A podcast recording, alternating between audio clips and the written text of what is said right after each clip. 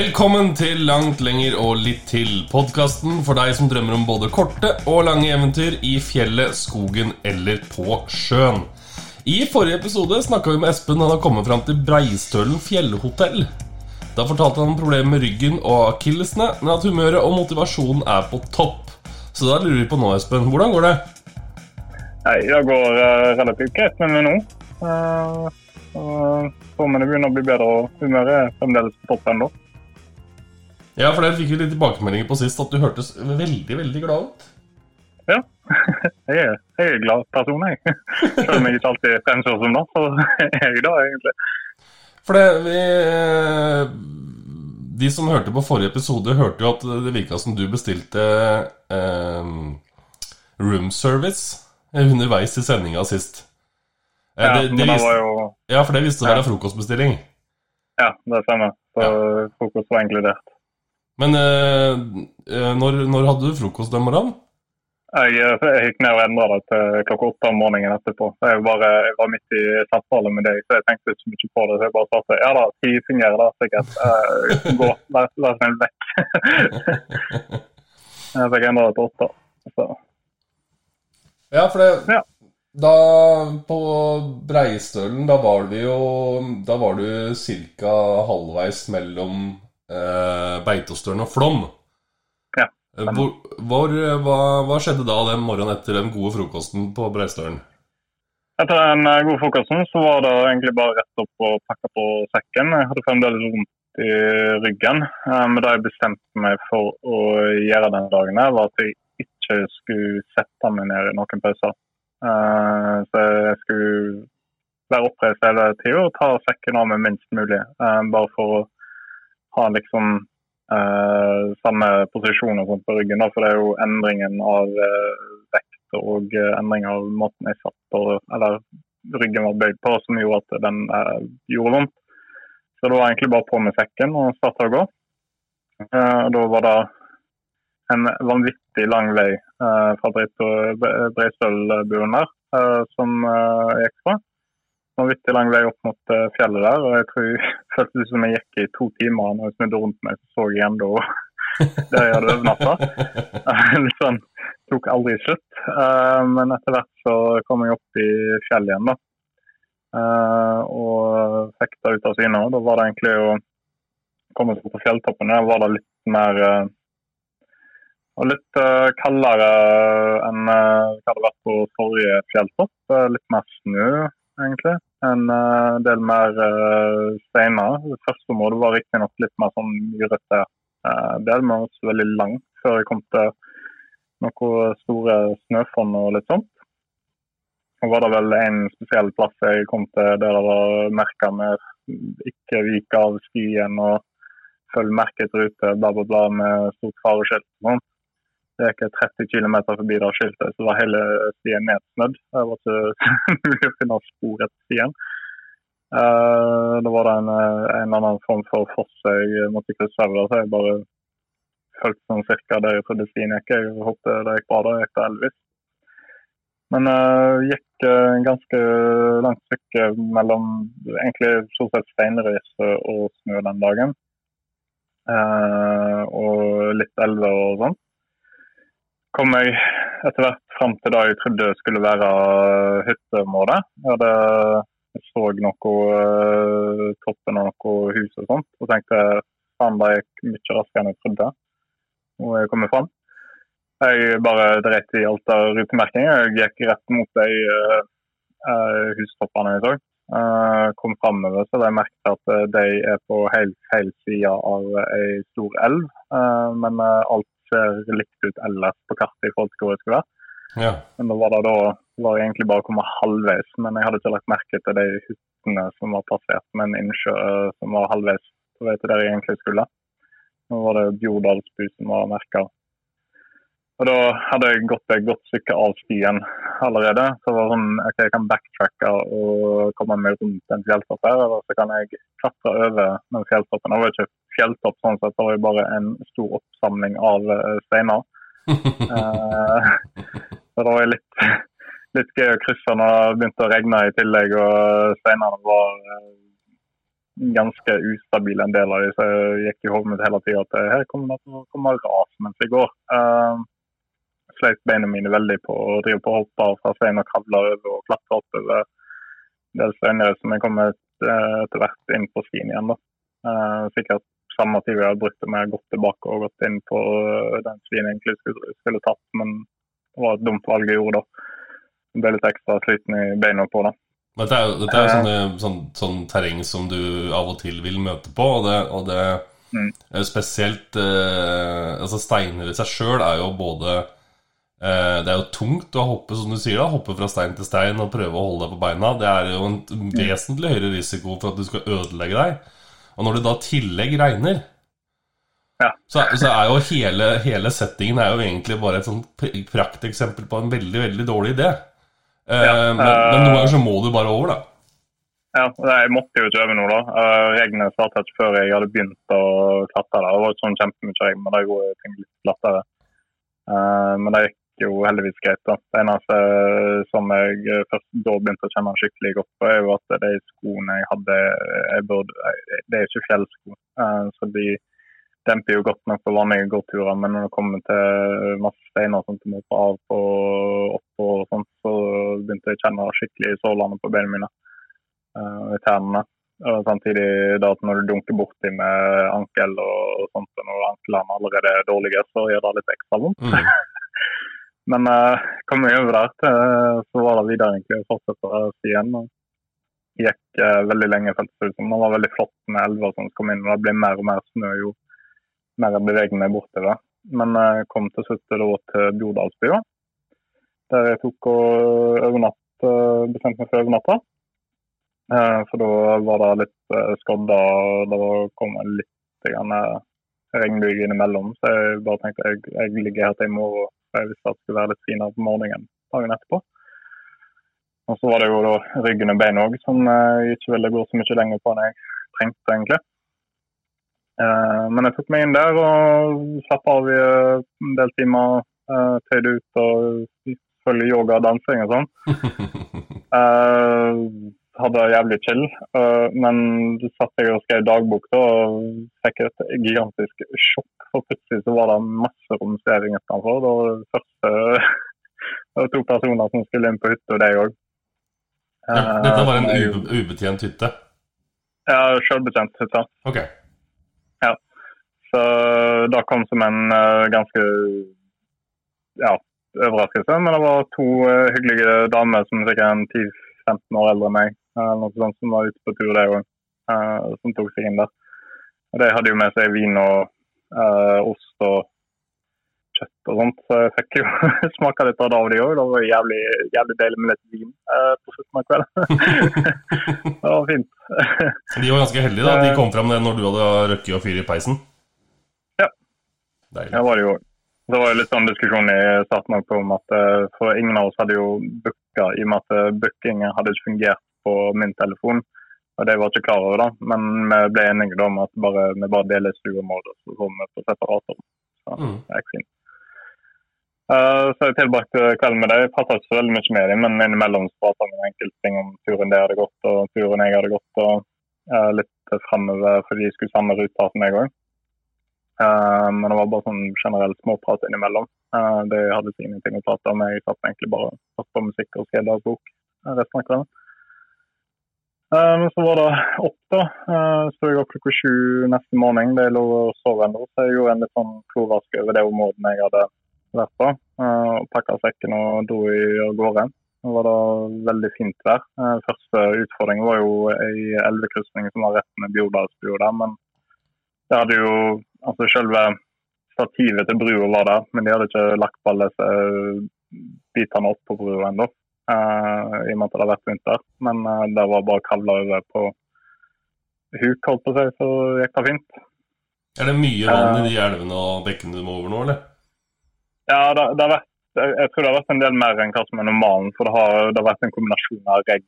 Eh, på kveldene og så er det fint vær om morgenen, så snøsmelting kommer Uh, ganske sikkert. Men uh, på det, når jeg satt der veldig tidlig, så har det ikke vært noe kjempeproblem. Men jeg merker da senere på turen at det blir elvene virker litt mer uh, større enn hva de egentlig burde ha vært.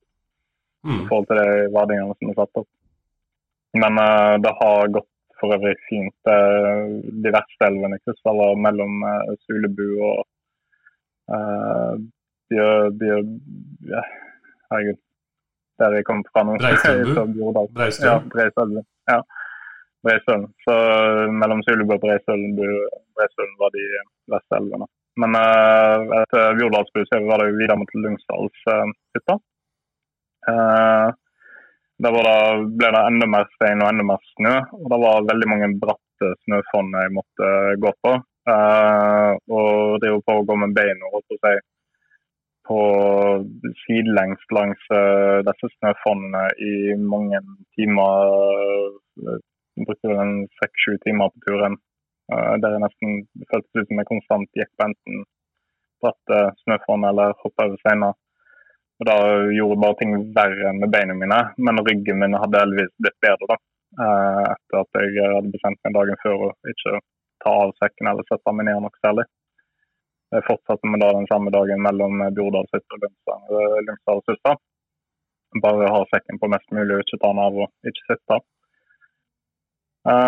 Men kjente det mer og mer i beina som jeg gikk. Det var du sklir en del i snøen og vrir foten på dårlige måter. og det, Du får ikke helt en korrekt støtten på ankelen heller når du går sidelengs opp i sånne snøfonner.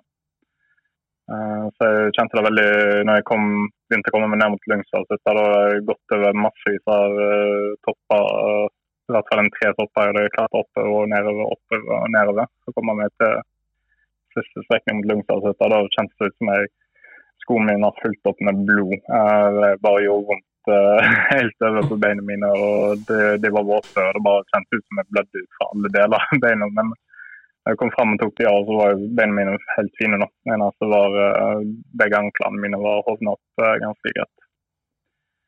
Én en, en, ting er jo å gå i det terrenget der med steinur og snø. Altså, den kombinasjonen er jo kanskje den farligste av dem alle. fordi du, hvis mm. det ligger, det ligger, nok snø til at det dekker steinene, men at du ikke ser det som er under, så er det jo, det er jo livsfarlig, eh, rett og slett. Du, ja, oppi der, og Knekker du beina oppi der, så er du, er du i trøbbel. Ja, det var, det var en del ganger beina, beina mine gikk gjennom eh, på der det var snø som var lagt seg sånn.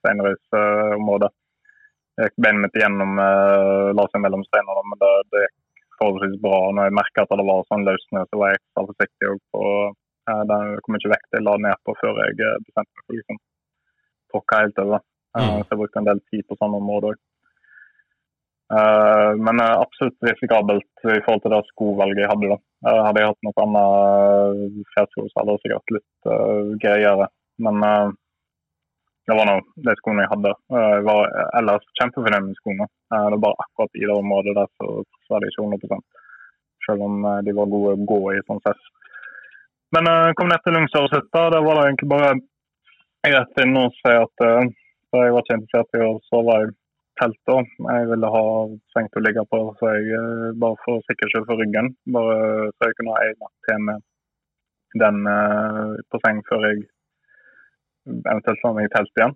Jeg gikk inn der og sa at jeg vil overnatte. Uh, så spurte de meg først om jeg hadde booka i forkant. Bare sånn eh, Nei, jeg har tatt dekning på to dager. uh, men uh, heldigvis så hadde kokken de hadde hatt der, hadde, de hadde hatt litt problemer med kokken. Og han hadde sånn jeg forsto det, fått sparken. Og senere på kvelden så hadde han ringt inn og sagt at han hadde betrakta covid-19.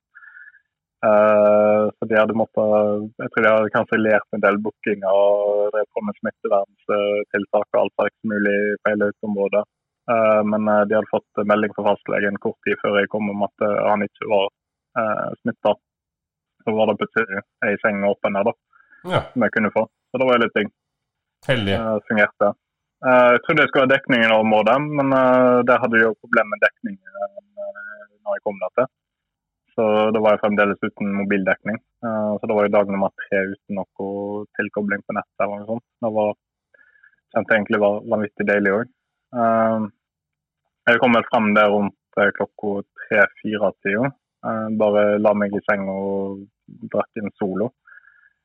før de to damene som jeg hadde vært uh, på og komme tre timer senere. Det hadde jo visstnok gått i snøstorm hele pakken, så jeg hadde sluppet ganske billig unna men For jeg slapp nesten alt drittvær. Det var som regel fint hele veien. Litt over overskya, men ellers fint. Overnatta der. Der kom det òg tre stykker fra Kongsfjella, som var neste målet mitt. De sa vel da at Eh, når jeg spurte om hvordan rute var, så sa de at det er mye det gikk helt fint å gå fra Kongsella, men uh, de sa at det kom nok til å ha problemer å komme meg opp til Kongsella. Uh, men jeg tenkte så mye på det, bare jeg prøver jeg likevel.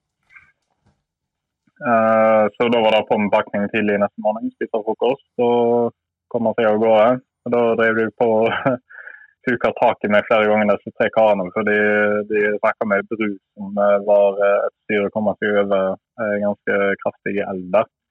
For det var Bru var på en måte Bru var heva sånn nesten to ganger høyere enn meg, da. var liksom oppe på der midtpartiet av brua og så var det ingen oppstigning der. Men noen steger som var under brua som måtte dra ut og klatre opp til brua, og så kommer de over ja. uh, noe greier der. Uh, så de advarte meg om det, liksom, at de kunne hjelpe meg med den. og sånt, Men jeg bare jeg har lyst til å bare prøve å eventuelt feile, og så kan jeg heller vente på at det kommer hvis uh, jeg ikke får det til. Men uh, klatra meg opp og kom meg så vidt over på toppen her, og så svang jeg bare sekken ned på andre sida og klatra ned. Uh, så det gikk fint. uh, videre der så var det en ganske bratt oppoverstigning uh, opp mot uh, fjelltoppa uh, fjellet igjen. da. Uh, jævlig fint vær i hele dalen der og uh, ganske deilig vær da. Uh, og grønt og herlig. Så jeg hadde litt sånn Kanskje det blir grønnere område når jeg kommer opp på toppen her òg. Jeg er litt usikker på det, men jeg håper litt på det. men når jeg kom opp på toppen, nå, så var det egentlig bare en stor frossen innsjø jeg skulle gå langs. og det var ikke veldig mye grønne områder. Og så snø hele veien der òg. Der kunne du ikke gå helt på stien heller, for stien var satt opp helt nede med innsjøen. Men jeg tror pga. at innsjøen var frossen, at uh, den i utgangspunktet dekka litt over det som var stien. Så hadde jeg gått helt på stien, så det, hadde jeg mest sannsynligvis gått gjennom uh, is og ned i vann. Det så iallfall ut for det i forhold til hvordan ruta var merka. Uh, så det var, måtte liksom gå opp på masse hauger og sånt som ikke var helt lagt opp til at en skulle gå, måtte gå litt rundt området for å komme meg ned igjen og nærmere inn mot stien. Uh, etter jeg har gått et stykke, så kom det plutselig store, store inn og ble dårligere sikt, og da kom snø. Så da fikk jeg lite mens den snøen kom akkurat i dag kom, så fikk jeg akkurat litt dekning òg. Så jeg fikk inn eh, masse ubesvarte Eller jeg fikk en telefonsvarmelding eh, fra mor mi hadde ringt. Og jeg fikk noen meldinger fra pappa og mamma liksom hvor jeg var og sånt.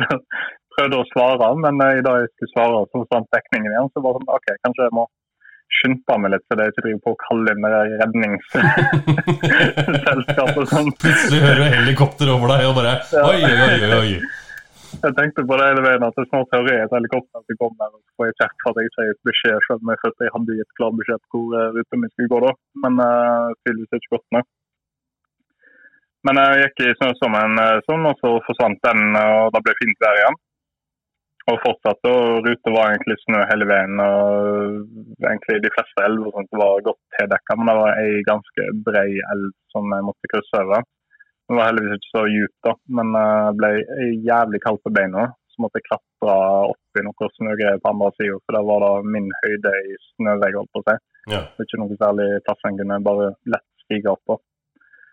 Uh, men jeg kom meg opp der, og da var det over til Kongsfjelland, der jeg bare satte meg inn og tørka bein og eh, sko og sånt. Og natta der igjen, for da var jeg òg helt utslitt i beina. For det, snø er tungt å gå inn, og det er vått og våt snø og eh, litt sånn smeltende, eh, merker jeg. Eh, da vi satte meg inn der, så kom eh, da stormvær inn, og det var ganske en del snøing og eh, dårlig sikt eh, egentlig hele dagen. Nå hadde jeg jo null peiling på værmeldinga framover, for jeg hadde tatt, dette var i dag nummer tre uten dekning. Uh, jeg hadde ikke sjekka langt nok i forkant, for jeg trodde skulle ha dekning på Lundsdalshytta. Uh, men uh, Så jeg bare overnatta der og håpet på at det skulle bli bedre vær neste morgen. Når jeg våkna opp neste morgen, da, så var det enda dårligere sikt. Kanskje en 300-400 meter framover i dag jeg starta. Uh, så grei nok til at kunne se det merka svin, og det var merka ganske tett òg. Så jeg tror de er ganske klar over at det kan da bli dårlig sikt. Mm. Uh, enkelte ganger. Men uh, gikk den stien ned, og det var snø hele veien igjen. Uh, med litt steiner innimellom, men stort sett snø. Uh, men da var heldigvis, i og med at det hadde vært uh, skydekk og kaldt kvelden før, så var snøen blitt hard. Så det var en del bedre å gå på. så det var litt deilig. Men da kom jo Snøstormen ble jo bare sterkere og sterkere. og Etter hvert som jeg gikk, så hadde jeg jo si, halv, halve, skjegg, halve ansiktet mitt var dekka i snø. Uh, den kom ganske kraftig på. Uh, I dag, den snøstormen som var på Vesta, da fikk jeg endelig dekningen. da. Og fikk, uh, første jeg fikk, var vel telefon fra deg, tror jeg. Uh, bare sånn like etter dekningen kom inn. Og så etterpå var det telefon fra far min uh, etter jeg hadde lagt på telefon med deg og gått en 50 meter, så ringte far min igjen. så fikk jeg melding fra mor mi og bare gi beskjed til alle at jeg er i live, jeg er på vei, liksom. jeg hadde ikke tid til å si noe mer beskrivende, for det var liksom litt drit å stå og snakke i telefonen. Det var kaldt og jævlig. Uh, men jeg så jeg bare ga uh, kort beskjed til meg til alle parter, og så fortsatte jeg å gå. Det var jævlig fine områder jeg gikk i, men det var liksom alt var dekka i snø, og det ble vanskeligere og vanskeligere å følge med på ruta. Uh, det var heldigvis noen som hadde gått den ruta sannsynligvis dagen før eller kanskje et par dager før. Uh, så jeg hadde noen fotspor å følge uh, når jeg uh, mista litt peil på hvor ruta nøyaktig gikk. De var ganske klare hele veien, heldigvis. Selv om det snødde, så stemte det ikke nok til at de ble helt uklare. Jeg fortsatte, og så kom jeg nedover mot Stein Bergdalshytta. Jeg gikk nedover retningen der, og da merka jeg at det var selv når jeg kommer ned eh, nå når snøen ble borte, så snør det ennå. Og da signaliserte litt meg at uh, her er det kommer sikkert til å være litt jævlig vær framover. Uh, så jeg venter egentlig på når jeg driver på med den nedstigningen det at uh, nå kommer regnet snart. Nå kommer regnet snart. Uh, her nede er det masse regn. Men det kom aldri noe regn. Det var konstant snø hele tida. det var glatt, veldig glatt nedover den nedstigningen òg. Masse steiner. Jeg merka at det var rett og slett eh, litt skummelt å dra nedover der, for det var ei sklei på steiner hele veien.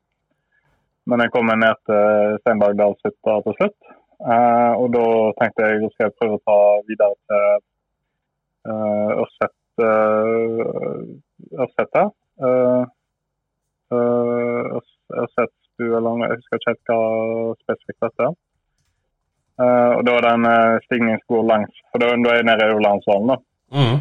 Men da er det en eh, rute som går langs eh, fjell, eh, der mot en Østerbu, eller vel? Østerbø? Østerbø, ja. Mm. Østerbø. Så jeg starta å gå den løypa ruta som gikk der. Jeg gikk vel igjen 15-20 minutter før jeg merka at det var, for glatt til å gå med en 20-25 kilos oppakning. Det er på sklei, og det ble bare brattere stigninger.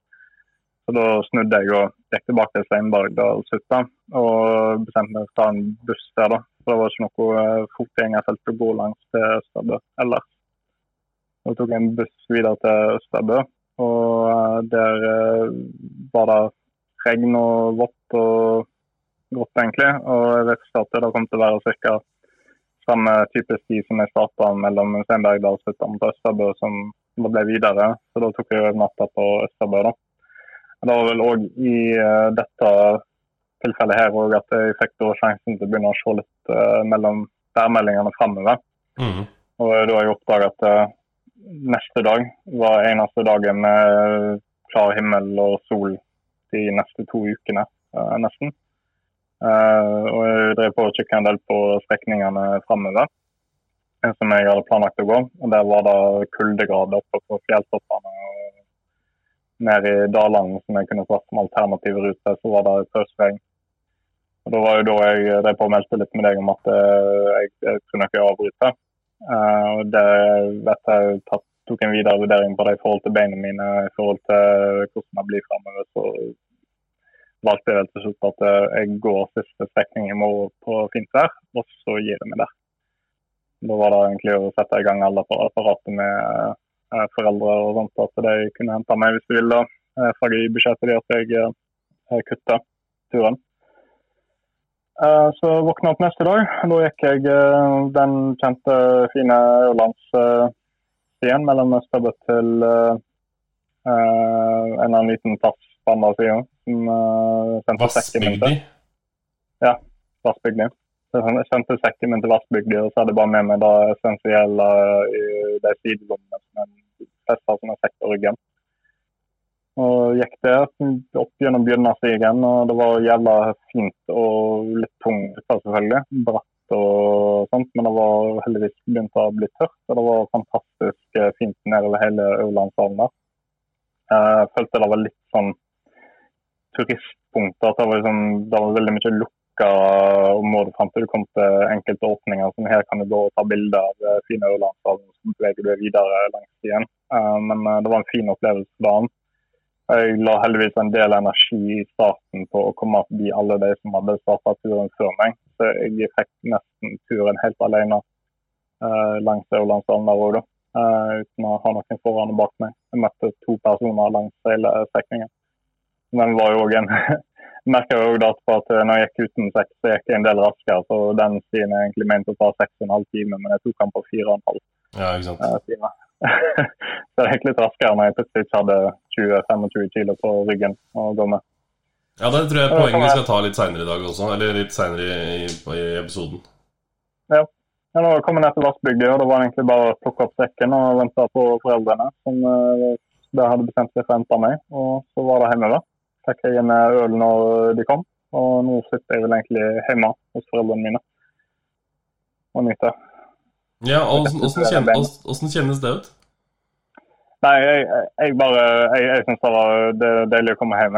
Det er klart at det, eh, det hadde vært gøy å gå lenger, men uh, jeg sitter og ser nå på alle nyheter om uh, altså rekordkuldegrader på Jotunheimen og ser været ute her på Vestlandet nå og værmeldinger som er i områdene jeg hadde gått. Så det hadde ikke vært realistisk for meg at jeg kom til å nyte den turen der hvis jeg fortsatte. Uh, det hadde vært drit, og da hadde, da hadde jeg bare gått for godt. Jeg hadde ikke gått for å oppleve. Mm. Det, det, var ikke formålet med turen. Så det var, for meg var det absolutt korrekt avgjørelse på det punktet der. Uh, så ingen, ingen no regrets i det hele tatt for det. Uh, hatt det veldig fint så langt, og jeg er veldig glad at jeg fikk den siste fine turen her i Ørlandsdalen med fint vær før jeg ga meg. Mm. Mm. Bra, Espen. Den, på den cliffhangeren så tenker vi tar en pause, og så ja. snakker vi litt om, eh, om turen i sin helhet etterpå, tenker jeg.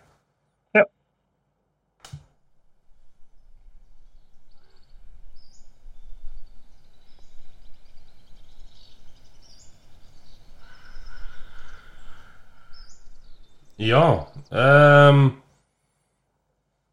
nå er jo Prosjektet ditt er jo over. Du er hjemme på Vestlandet. Koser deg sikkert inne nå. Det, I hvert fall på Hamar så er det grått, og det regner og sånne ting. Uh, mm. Og Vi har jo snakka om dette tidligere, om at du sjøl mente at du ikke helt visste hva du gikk til. Du visste ikke så mye om det å være fjell og sånne ting. Og, og det endte jo Altså, det endte jo med at du brøyt før du kom fram. Det kunne du egentlig gjort uavhengig. Uh, ja. Jeg tror at noe av, av uh, Hva skal man si erfaringa også, det som uh, du har opparbeidet, gjør at du tar den avgjørelsen som du gjør. da Fordi mange kunne blitt frista til å stå i det og bare fortsatte, men erfarne fjellfolk vet jo også at det å avbryte på riktig tid, mm. det er viktig. Og så at du da sitter i, nå i, på Vestlandet og tenker at ja, jeg gjorde alt riktig, jeg er enig i avgjørelsen fortsatt. Um, for din egen del. At du, du, du ser at det her, det her uh, var det riktige valget. da Det er jo en veldig god følelse å sitte igjen med. For hvis du nå hadde sittet og tenkt at ah, fy fader, så kjedelig, så hadde jo Så er jo på en måte terskelen for å dra ut igjen, den er jo ganske Den er jo litt uh, betydelig. Ja, absolutt. Så det, ja, jeg, ser for meg at uh, en ny tur hadde nok ikke vært noe som hadde blitt aktuelt for veldig lenge om jeg hadde fortsatt i dette været som er nå. Så jeg er glad i bare å sitte med de gode opplevelsene. Uh, det er selvfølgelig en del negative òg i det jeg har gått, men ikke i den grad jeg kun har hata ting, liksom. Selv de siste dagene når beina var helt jævlige, så var det liksom Jeg hadde det vanvittig fint, og jeg var glad, liksom. Uh, og topp humør. Selv om alt gjorde vondt. Uh, så var det liksom null problem da. Været var overkommelig, og terrenget var overkommelig.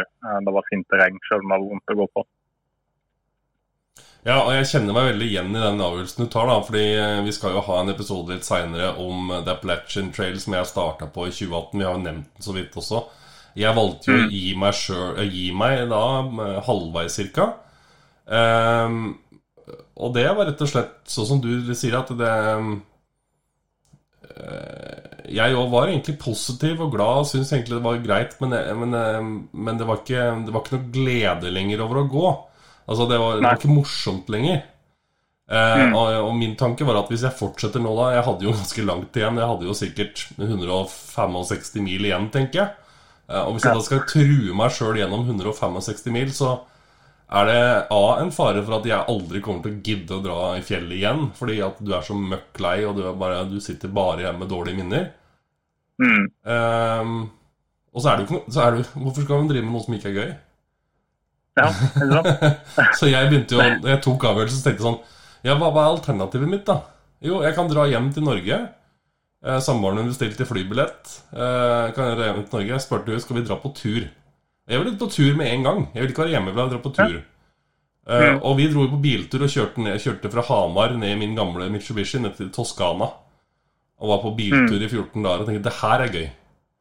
Ja. Så du får en sånn oppfattelse av at um, ja da, du har lagd et prosjekt, du har snakka om det i flere år, du har tenkt på det, du har liksom gjort det du skulle ha forberedt og sånne ting, men plutselig så dukker det opp noen faktorer som gjør at det ikke er morsomt lenger.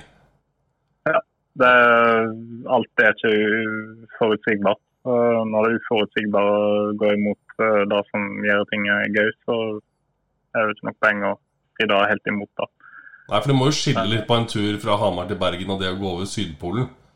Hvis du skal sette en rekord på Sydpolen, så må du jo bare akseptere at noen dager du kommer til å synes det er kjedelig og hate livet ditt litt og litt sånne ting, men da har du jo på en måte det som en eh, Det er jo et, et veldig tydelig mål, da. Og det er, det er litt annerledes å bare ja, Sånn som du da stå på Vassbygda der, så kom eh, familien din med en øl og, og, en bil og bare kjørte deg hjem. Det er litt annerledes. Mm.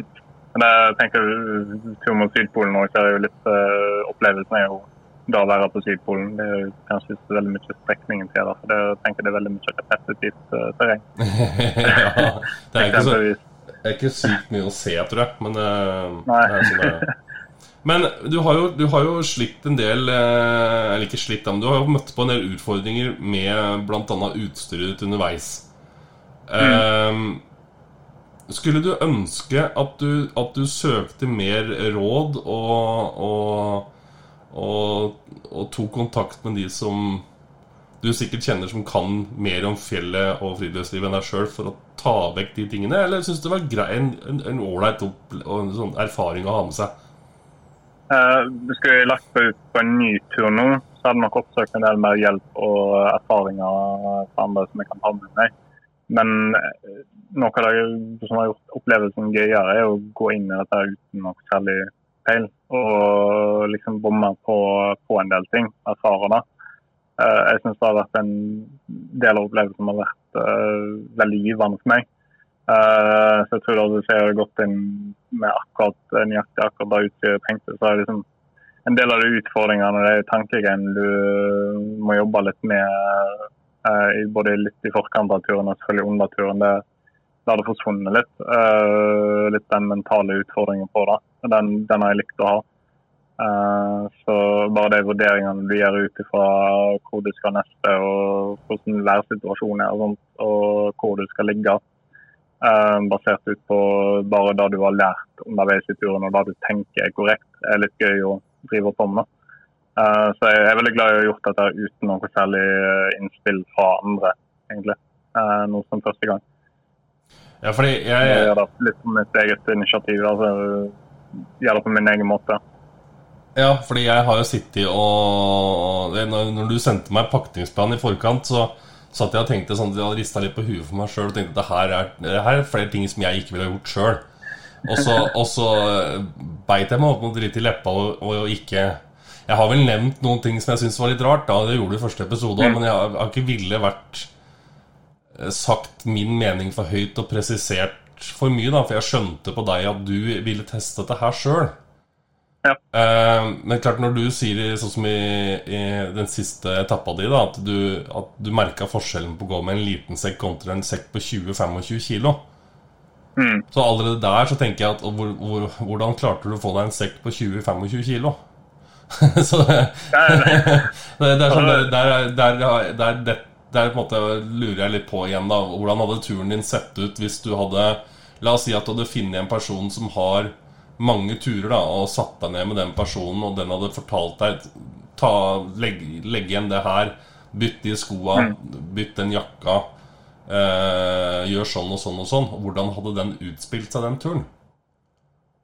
Hvis jeg hadde gjort det underveis i turen eller i forkant? Jeg, jeg fikk ikke med meg Nei, altså i forkant. Altså, hvis du hadde fått, hvis du hadde fått alle, alle råd og tips da på alt av utstyr, alt av ruter og sånt i forkant. Hvordan hadde turen din da blitt? Det hadde sikkert blitt en del enklere. Sikkert mye enklere å gå og. Men jeg føler det hadde ikke helt blitt min tur sånn som jeg ville hatt det. Sånn som jeg ville ha det. Det, det blir jeg, altså, jeg var ganske innstilt til å gjøre dette på mine egne premisser. og jeg tror heller ikke jeg har sittet igjen med så mye lærdom som jeg gjør nå. Uh, hvis jeg hadde tatt det med all erfaring. Er greit nok liksom, OK, jeg skal ta det utstyret der, og så blir det gjerne at du ikke spør hvorfor. Du bare aksepterer det som OK, sånn er det bare. Uh, og bare går med det. Dette er det som en ekspert anbefaler, så jeg bare kjører på med det. da. Uten å helt egentlig vite er det korrekt for min del. Er det mm. noe som er 100% korrekt for meg? Det kan være andre ting der som en ekspert mener at jeg ikke bør ta med seg. Men for meg er det litt sånn ikke livsnødvendig, men en, noe som er komfortabelt å ta med. Eh, så jeg har sikkert mye i den sekken der som jeg vet jeg ikke har brukt, eh, men òg som liksom, for min del tenkte at det kan være greit å ha. Det, jeg tror egentlig òg det mest Selv om det er et par ting som bare altså Shortsen har jeg jo aldri brukt. men men jeg tenker på tingene i sekken, så er det veldig lite jeg ikke har brukt, egentlig. Uh, det er jo gjerne uh, hettegenseren tok jeg bare bruk i første del av turen, så den kunne jeg egentlig bare slengt bort. Men jeg ville ikke kaste den. Kaste den, så jeg fortsatte med den i sekken.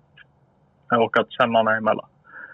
Men uh, utenom det så er det sånn altså Alt har vært i bruk. Om det har vært nødvendig, det, det vet jeg ikke, men jeg likte å ta med. Og jeg føler heller ikke tyngden på sekken har vært et problem for meg uh, gjennom turen. Det er klart det gikk mye raskere på noe siste etappe når jeg kun hadde 500 gram i, på ryggen framfor 20 kg.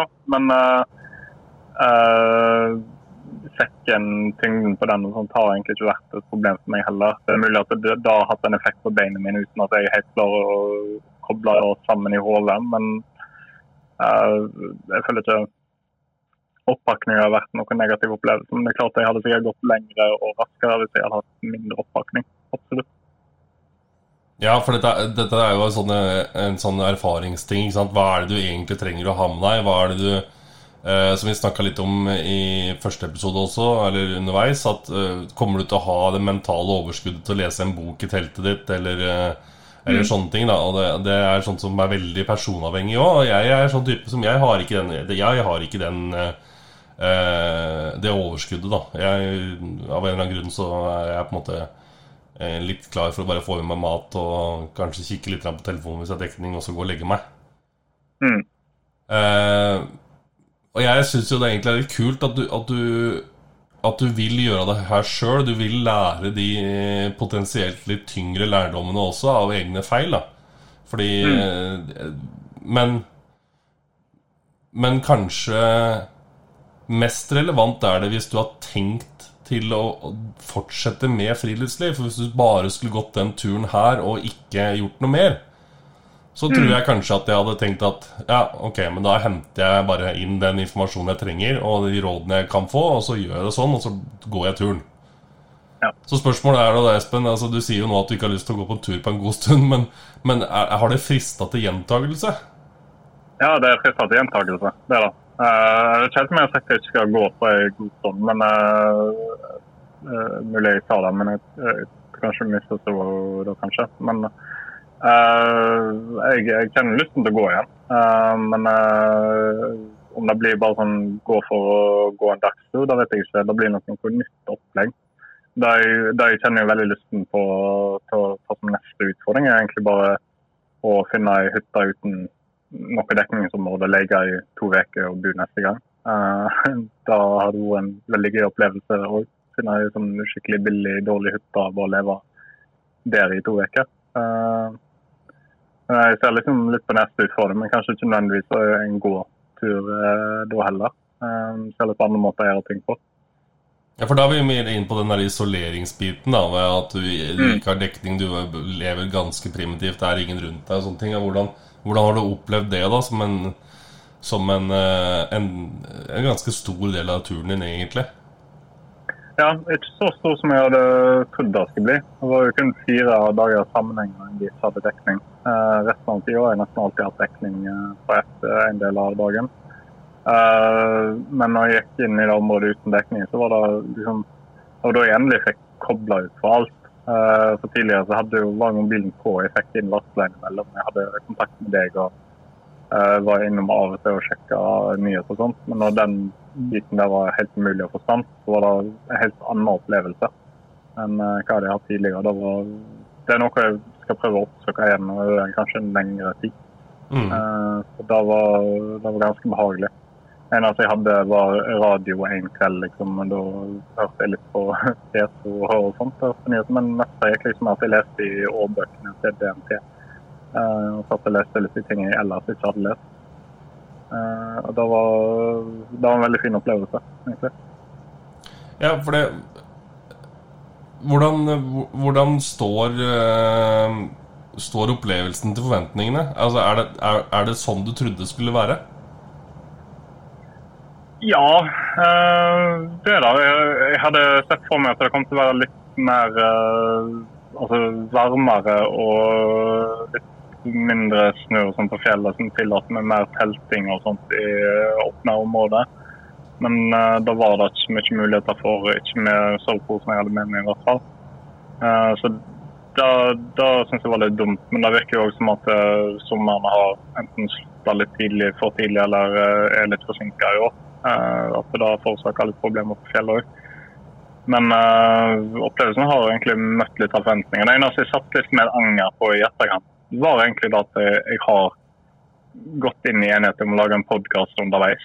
Uh, for det har, det har, gjort at jeg har hatt en kobling der opp mot uh, deg og uh, jeg følge litt med på hva som skjer med podkasten innimellom. og uh, Ringe innom den og liksom snakke om opplevelser som jeg kanskje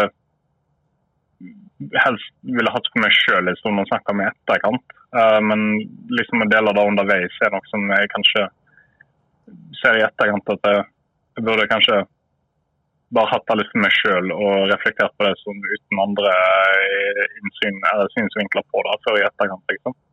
Den, den, selv om jeg er veldig glad at vi gjorde podkasten så er det litt sånn anger på at det, hadde egentlig vært greit å ta turen uten det. Ja, det, det, ble på en måte et eh, Det ble på en måte et eh, En forstyrrelse på en måte i opplevelsen din? Ja, det ble det. For du har liksom En del av det var jo for å koble meg ut og liksom gå alene og i mine egne tanker. Men når du hele tiden skal dele de tankene to, to ganger i uken, liksom uh, Og så sendte jeg jo regelmessige oppdateringer til deg som ikke du har spurt om, men som jeg bare gjorde på eget initiativ. Det, det har liksom tatt litt fra den opplevelsen. Selv om det kanskje ikke er så veldig åpenbart i, når vi først ser på det. Liksom. Men for meg så har det liksom, det har tatt litt vekk fra opplevelsen. Mm. Uh, men selvfølgelig igjen glad for at vi gjorde podkasten og vært veldig glad for opplevelsene. For det, men bare det er et eller annet i meg som bare sitter sånn Skulle egentlig gjort det uten. Men uh, jeg, jeg, jeg, føler ikke jeg sitter så veldig mye mindre igjen uh, av opplevelsen med det. Men det er sånn bare en liten bit der som jeg skulle ha kutta bort, da, føler jeg. Mm. Men det, det blir en annen gang, eventuelt. Ja, altså du er jo fortsatt ung. Du har, du har jo mange muligheter til å komme deg i fjellet og, og koble helt ut. Da. Det høres ut som du har, har, reflektert litt over hvordan du har gjort den turen her og lært litt av det. Hva er det du egentlig vil med det? Og så begynner du alle nestene å surre i huet hva du, hva du vil gjøre neste gang. da. Ja. Jeg kjenner meg litt igjen. Altså jeg tror jeg og du er litt forskjellige mennesker. Jeg, når jeg gikk den turen i 2018, så filma jeg meg sjøl hver dag og la ut på Facebook. Mm. Eh, og fortalte om dagen og sånne ting. Og for meg så var det en, eh, en slags eh, eh terapi på et eller annet vis. Å få snakka om det og få tatt eh, og, få og liksom føle at man har kontakt med de som, som du vet sitter og lurer på åssen man har det, da. Mm. Eh, og jeg tror ikke jeg kunne Jeg tror ikke jeg hadde trivdes med din løsning, kanskje. Men eh, det er, det er, det er, vi er jo litt forskjellige på sånne ting. Ja. Jeg, litt sånn, jeg liker å gå inn i meg sjøl og liksom finne litt ting ut av, av altså Finne ut av ting for meg sjøl, og deretter uh, ta inn andre synspunkter på det. Men det blir liksom, jeg vil ha endelig produkt fra min side før jeg får andres kritikk for det. Altså. Mm. Uh, andres uh, tanker om det. Uh, den biten har forsonet litt for meg. Jeg har liksom ikke hatt muligheten til å reflektere 100% i meg sjøl på ting før andre sier noe om det. Det, det er litt min måte å gjøre det på. så Der, der er vi nok litt forskjellige. Jeg hadde ikke klart å gjøre en daglig oppdatering på ting i det hele tatt. Det, uh, nei, det ville jeg ikke ha gjort i det hele tatt. Men hvis vi, hvis vi eh, prøver å skal Vi skal jo henvende oss til, til andre som, som, drømmer om både lange og korte turer, egentlig. Eh, mm. Vil du si Jeg har spurt om dette før òg, men vil du si at dette her er en, er en tur som de fleste kunne gjennomført, eller? Ja, absolutt. Det, hvis, du bare, hvis du bare har viljen til å gjøre det, så du, du kommer til å få vondt i uh, bein og ting og sånt, men det altså Smerten er ikke utholdelig. Det, det, er vondt, liksom. Og det blir samme vondt. Like vondt selv om du går litt ekstra vondt om kvelden. Men når du starter dagen neste dag, så er det ikke så vondt som det var kvelden før. Og så er det bare å fortsette uh, samtidig gjør det så vondt at du har lyst til å ta pause, så tar du pause. Sånn. Eventuelt uh, avslutte dagen. Sånn, smerte kommer seg over. Det, det er ikke verdens undergang i det hele tatt. Uh, hver år det, det, oppstår. Uh, selvfølgelig så tar det med måte, liksom. Du, du kan ikke overnatte i all slags mulig drittvær, men det, det, er en opplevelse i dag å bare nyte at det er dårlig vær òg. Uh, mm. og rute på det. det Liksom, du kan fint, eh, sånn som Eurolandsdalen, jeg tenkte på det at jeg, det hadde jo egentlig vært fint å gå den òg når det var masse regn. For når jeg går i, når det er masse sol og sånt, så ser jeg, jeg ser akkurat det som alle turister driver på og går der for å se. Uh, hadde jeg gått der når det regner eller var tåkete, så hadde jeg fått en helt annen opplevelse enn hva de aller fleste andre gjør. Uh, så det, det, er liksom ikke helt oppsøke den foto... Uh, altså konsumbiten av naturen, men bare opplever den i nuet på hvordan det er når du er der. Eh, bare gir mening. Ja, men tenk, Tenker du da at eh, hvis du skal gå en tur til seinere, at du da ikke vil velge å gå langs de mest populære stiene, da? Eller at du vil prøve å finne områder der det, der det ikke er merka stier, eller? Ja, jeg kommer nok til å forsøke meg å gå litt uh, utenfor ting og oppsøke litt mer utsatte områder. Jeg har vært veldig heldig nå i den turen jeg har hatt, at det, det, har vært lite folk ute og gått eh, de stiene har gått. Men uh, å kunne se det godt ting som ikke var merka før, og utfordre meg sjøl litt mer på å finne uh, fram til plasser sjøl uten å følge disse T-ene som merker, så hadde det vært litt mer givende. Mm. Mm. Hvis vi skal gi terningkast da, hvis vi skal ta et terningkast på, på hele prosjektet Hvis vi starter da med, hvordan syns du sjøl at forberedelsene dine og og, um, og alt det du gjorde før du dro, da Hvis du skal gi et terningkast på det nå i ettertid uh, på, din, på, din, egen innsats, hvis du skal kalle det det, hva ville du gitt deg sjøl? Terningkast to. Terningkast to. Ja. Men, på bakgrunn av at eh, det skolevalg var elendig. Jeg kunne selvfølgelig gjort pakningen mindre. Jeg kunne gjort uh, andre ting i forhold til mat og sånt. og uh, Bedre sovepose. Undersøkt litt mer hvor rutene gikk og hva temperaturene kom til å være i områdene jeg skulle gå. masse sånt. Uh, så hadde nok gjort at jeg kunne fått en litt mer behageligere opplevelse. Mm. Men hva med selve, sånn gjennomføringa di, da? Jeg, synes i, i, forhold til det altså hindringene jeg har hatt, og den fysiske formen jeg eh, er i, som ikke, jeg driver ikke med på trening og sånt i forkant, så føler jeg at uh, min gjennomføring har vært uh, karakter fem, egentlig, på egen vurdering. Det er enkelte ting jeg kunne pusha meg mer på sånn dag, dag til dag, men Uh, så Derfor er jeg ikke helt terningkast seks. Men jeg føler jeg har, jeg har pusha meg ganske greit og gjennomført ting ganske bra i forhold til det jeg hadde tilgjengelig for meg som naturen. Og, men samtidig åpna for å ta inn de opplevelsene som var. Mm. Mm. Hva med Altså mat og sånt underveis. Jeg, jeg fikk jo et inntrykk at du spiste litt lite, i hvert fall i starten. Jeg har gått ned ti kilo. du har gått ned ti kilo, ja? ja. Altså, det her er jo forskjellen på meg og deg. da Hvis jeg hadde gått ned ti kilo, så hadde jo det egentlig bare vært bra. Da hadde jeg nærma meg der jeg egentlig skulle ha vært. på vekt. Det er jo strengt tatt klassifisert som undervektig nå. ja, for du hadde vel egentlig strengt tatt egentlig ikke ti kilo å miste, eller? Eh, jo, jeg hadde jo da, men det, det, jeg, jeg er nå eh, akkurat uh, klassifisert som undervektig. Jeg var ganske nærme undervektig før jeg gikk. Nå er jeg vel klassifisert som da. Hvis en går for BMI-opplegget. Men jeg er jo helt fin form sånn sett for dagen. Så det er ikke noe problem. Bare miste fett av lårene og rumpa. mm. ja.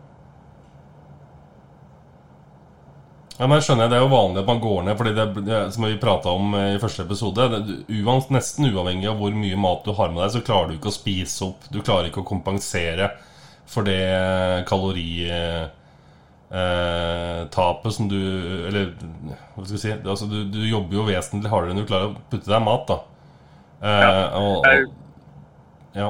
Jeg starta planen på at jeg skulle ha en mellom 3000-5000 kalorier per dag. Da, hvis målet mitt er kjøpt inn uh, liksom jeg skal ha så så mange som har med så så mange dager, så har jeg så så mye kalorier i reserve. Men det var sånn jeg har egentlig bare spist dette sånn som jeg ville. Uh, da jeg har spist, har ligget på en 1500-2000 kalorier per dag, som er jo ikke nok i hva jeg har gått. Uh, men jeg har, jeg har, ikke følt et sult på noe tidspunkt. Jeg har egentlig spist uh, godt i forhold til hva jeg følte jeg trengte. Mm. Så jeg, jeg, har gått på en del reserver der, men jeg har ikke kjent det på kroppen. i det tatt. Nei, Det er jo interessant. Jeg har jo vært med på det en del ganger sjøl, og det, det, det, går ganske fort. Eh, mm. Og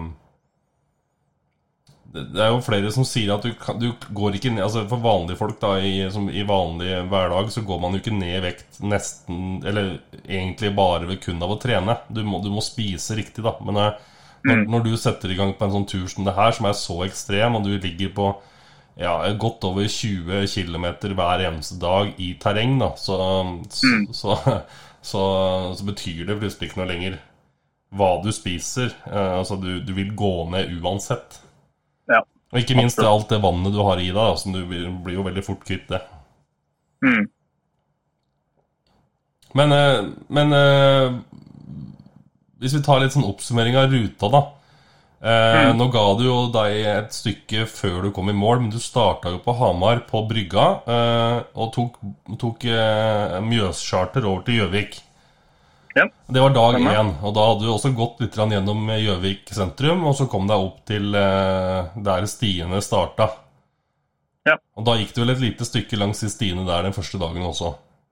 Ja, til jeg kom til Skjevalselva eller noe sånt, og så satte jeg opp telt der. Det For det var det første rene kilde med vann jeg fant. Ja. Så satt jeg opp der og lagt mat. Og du valgte jo en rute som egentlig gikk fra Gjøvik, da, som gikk nord-vest, og istedenfor å gå rett vestover. Vi snakket, Du kunne jo gått Hardangervidda, men du valgte jo Ja. da å gå nordvestre eh, ruta gjennom Skarbeheimen.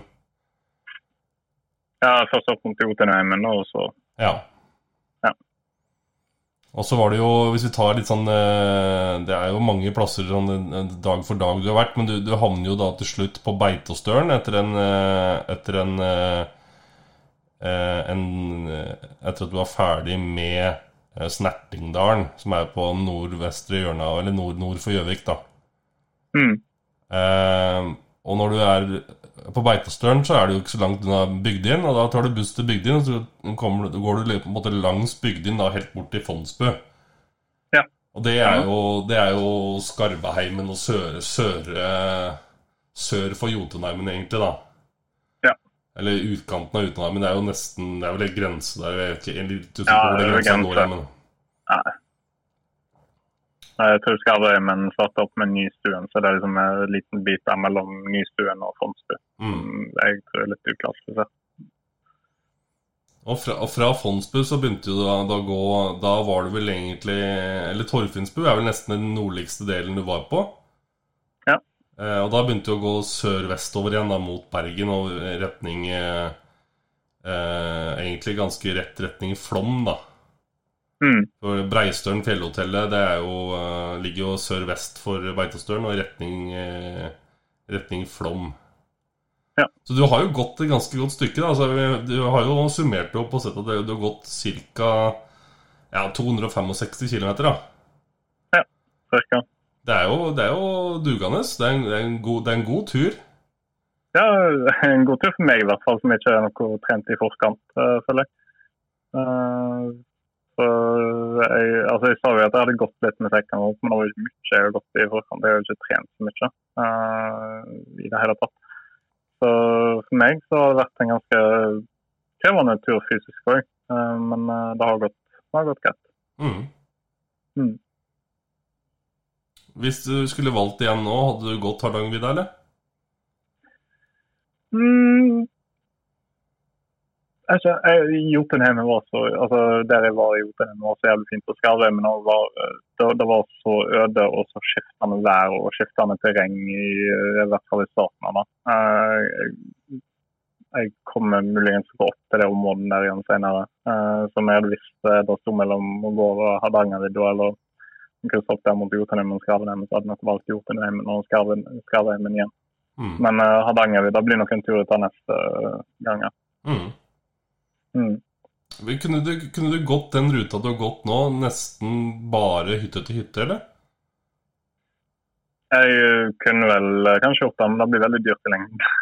Ja, ja, jeg tenker bare på fordi hvis du, hvis du kunne gått Hamar-Bergen da med dagstursjekk, på en måte, Mm. og gått eh, hytte til hytte, så er det jo langs den ruta der så er det jo en god del eh, Ja. hytter, så du kunne sikkert gjort det. Jeg bare tenker for, for noen som har kunnet tenkt seg å prøve det, prøve det samme som deg, da. Ja. Eh, og, Ja, og, absolutt. og, og på en måte basert seg mer på hytter enn du gjorde i utgangspunktet. Nå havna jo du på ganske mange hytter ua- uavhengig Eller mm, likevel, da, pga. helse og litt sånne ting, men eh, det kunne jo på en måte ha gått med eh, Nesten droppa teltet. Uh, du kan ta hele den turen der uten telt. Det eneste En del av det i starten, når du kommer ut fra Gjøvik, så er det en del nødbuer, altså gaupa- gaupauker og sånn. Uh, Mhm. Så uh, må jeg få en god sovepose. Men uh, det skal gå fint uten telt og ta nesten hele turen etter. Det er ganske fantastisk at det er et så stort frivillig apparat som går og merker ruter og holder Ja. de selvbetjente hyttene i orden. og Altså Det er en vanvittig jobb som eh, Turistforeninga gjør da med å, med å tillate oss og, legge til rette for at vi kan gjøre sånn som dette her.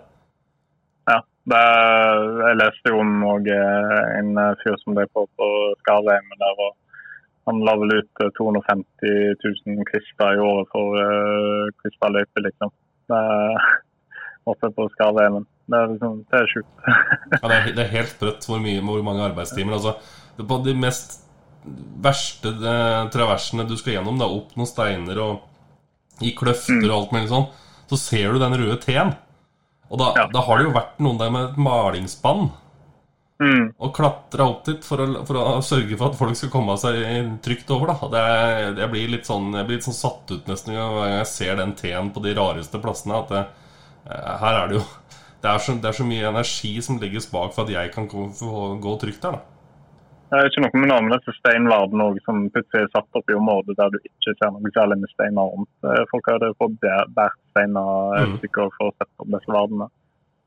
Uh, vært litt sånn imponert over det. Uh, mange av de òg satt opp på sånn ganske høye eh, steiner som er vanskelig å komme seg opp på, liksom. Uh, og kunne satt, sette de opp der og balansere de eh, godt, liksom. Det er vært mektig imponert over. Mm. Mm.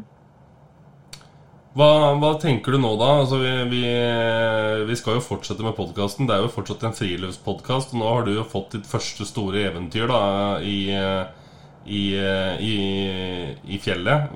Hva kan du bidra med da? Altså, hva, Hvilken lærdom har du gjort deg nå som gjør at eh, det på en måte er at du har lyst til å fortsette en friluftspodkast? da? Altså, det første blir jo liksom Jeg, blir, jeg har lyst til å prøve å fortsette av dette. av dette. så jeg blir jo liksom oppsøkt av ny lærdom uh, på, eh, fra som er mer erfarne. Så blir det stille en del spørsmål om det.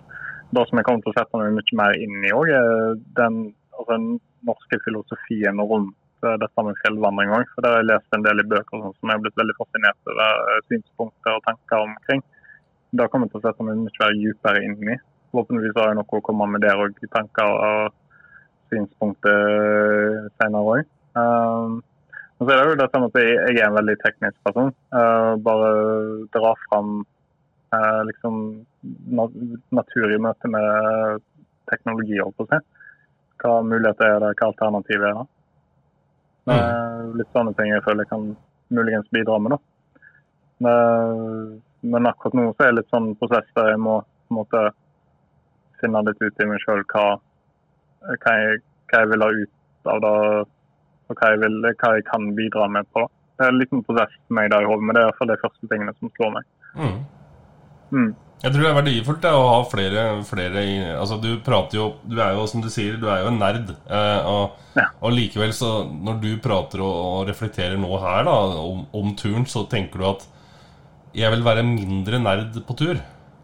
Mm. Du vil vekk, mer og mer vekk fra teknologien, da, samtidig som du også, sånn jeg skjønner jeg ønsker på en måte se på samspillet.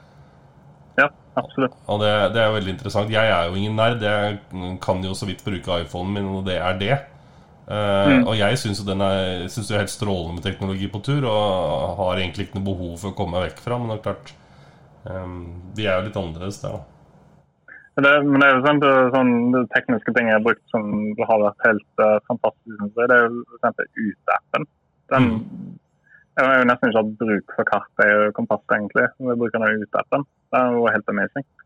Uh, så nå har jeg gått meg bort på ting og ikke orka å fiske fram kart og kompass. Jeg vil bare opp med telefonen og bare få en GPS-signal der, og så OK, jeg så så langt av turen. OK, Nå må jeg rette litt på meg. Jeg har gjort en del sånne ting òg, da. Bare ting kan gjøres veldig mye enklere med den teknologien vi har i dag. Hva andre eh, ting, innovasjoner er der ute som kan være greit å ha med seg på tur? Både for å gjøre ting enklere og kanskje gøyere. Vet ikke. Ja, altså den, ja, altså den ut-appen, den er jo Den er så bra. Den, den aleine tror jeg redder liv. Mm. Eh, fordi at det, du trenger ikke 4G-dekning for å kunne bruke den. Den trenger et GPS-signal, og det får du stort sett alltid eh, fatt i. Eh, Og den forteller deg hvor, akkurat hvor du er hen, akkurat der du står, og hvilken retning du må måte peke kroppen din da, for å komme deg inn på stien som du kanskje har mista, eller at du ser at ok, men her eh, Her er det et stup som jeg kommer til å komme så her kan jeg kanskje ikke gå. Og det tar så mye kortere tid å bruke den enn å bruke kart og kompass. da Mm. fordi, og, og GPS, for så vidt. Du har jo ikke hatt med deg GPS, som jeg har forstått. Og da er jo Utappen egentlig helt strålende. Ja, jeg, tror Ut-appen hadde blitt valgt eh, framfor en GPS òg, hvis jeg hadde hatt med meg GPS. Ja, Eh, Men det er viktig å påpeke da for eventuelt folk som hører på, ha med kart og kompass og forstå hvordan du bruker det for dagen. For det- Ut-appen er ikke alltid til å stole 100 på. Dårlige dekningsforhold i forhold til GPS. Ja, nei, altså det, det, det er det, det, aller viktigste. Altså, Du skal jo ikke glemme de her basic tinga som ikke trenger strøm. For det, du skal ikke, mm. du skal ikke uh, basere deg på ting som trenger strøm. Det er jo kanskje det dummeste du gjør, for da står du der plutselig, og du aner ikke. Du har ikke kjangs. Hvis du da ikke kan lese kart, så er du ikke noe Da, da, da er du ordentlig trøbbel òg. Eh, ja. Da må man gå tilbake til sånne primitive løsninger som å følge, følge bekken fra toppen av uh, fjellet og bare følge den nedover, for på et eller annet tidspunkt så kommer du til å møte på noen som bor langs den bekken. Eller mm. den er blitt en elv, en sånn ting, så du må tilbake til sånne ting. Da. Men uh, det er jo de har gjort, eh, Turistforeningen har gjort veldig veldig mye de siste åra for at det skal være enkelt og det skal være trygt um, mm. for, uh, for, de som ikke har uh, gjort dette så mye før. Og det er jo på en måte de fem episodene her også et bevis på at uh, du har hatt god nytte av stiene til DNT, til hyttene til DNT, til appen til DNT, mm. som har hjulpet deg egentlig godt på vei. da Um, DNT har jeg fått en ny forkjærlighet for. Altså. Absolutt. Ja, og det er jo uh, Jeg er jo DNT-medlem, og jeg har nøkkelen. Og jeg, jeg, har alltid med meg den på tur jeg vet, hvis jeg skal i områder der jeg vet det er hytter, fordi du vet aldri. Mm. Bra, Espen. Det syns jeg er veldig artig å høre at du, at du har eh, At hodet ditt har begynt å, å, jobbe litt med turen allerede, og du har funnet ut litt sånne ting som Eh, du har lyst til å gjøre eh, neste gang. Og jeg håpte jo på at du kom til å bli så forelska i turlivet at, at uh, dette var noe som du kom til å fortsette med. Ja, og jeg kjenner... Det blir en kombinasjon med den tekniske verden jeg allerede lever i. Men ja, det er noe jeg kommer til å fortsette med. Tror jeg. Absolutt. Veldig, veldig bra. Um, skal, det blir nok en for oss nå som har levert podkaster ganske jevnt, eh, selv om det bare er fem, så har det jo på kort, ganske kort tid. Eh, mm. Så blir det nok litt ferie mens du er på Vestlandet og pleier dine sår og snakker litt med familien og henger litt med dem, fordi du bor jo en del, en del mil unna dem til vanlig.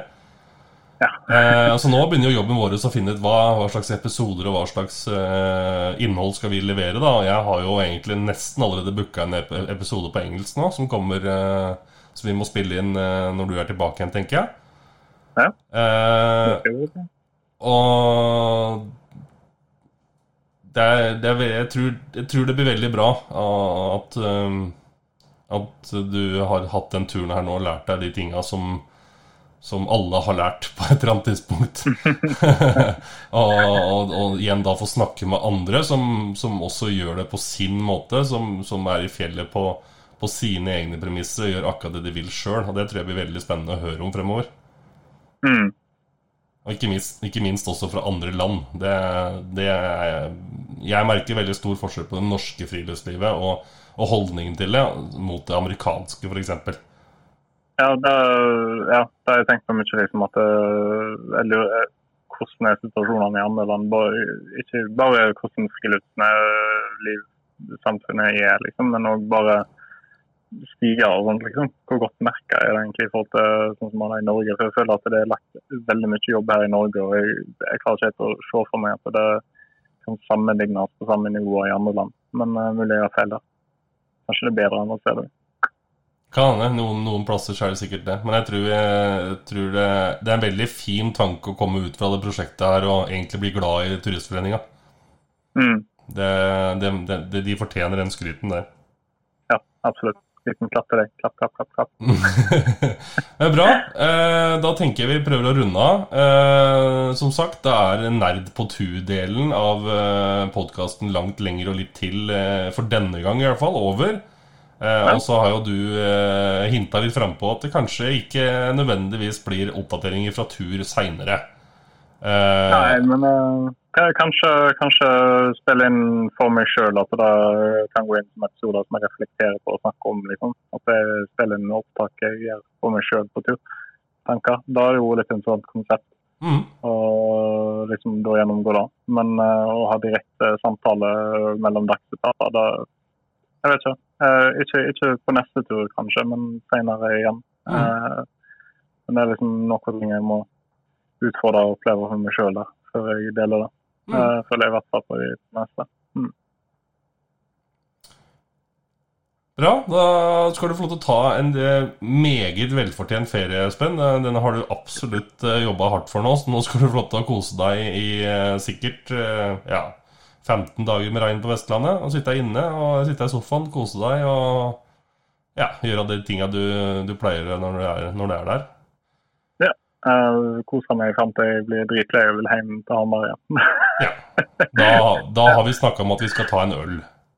Ja, Ja. det må vi. Ja.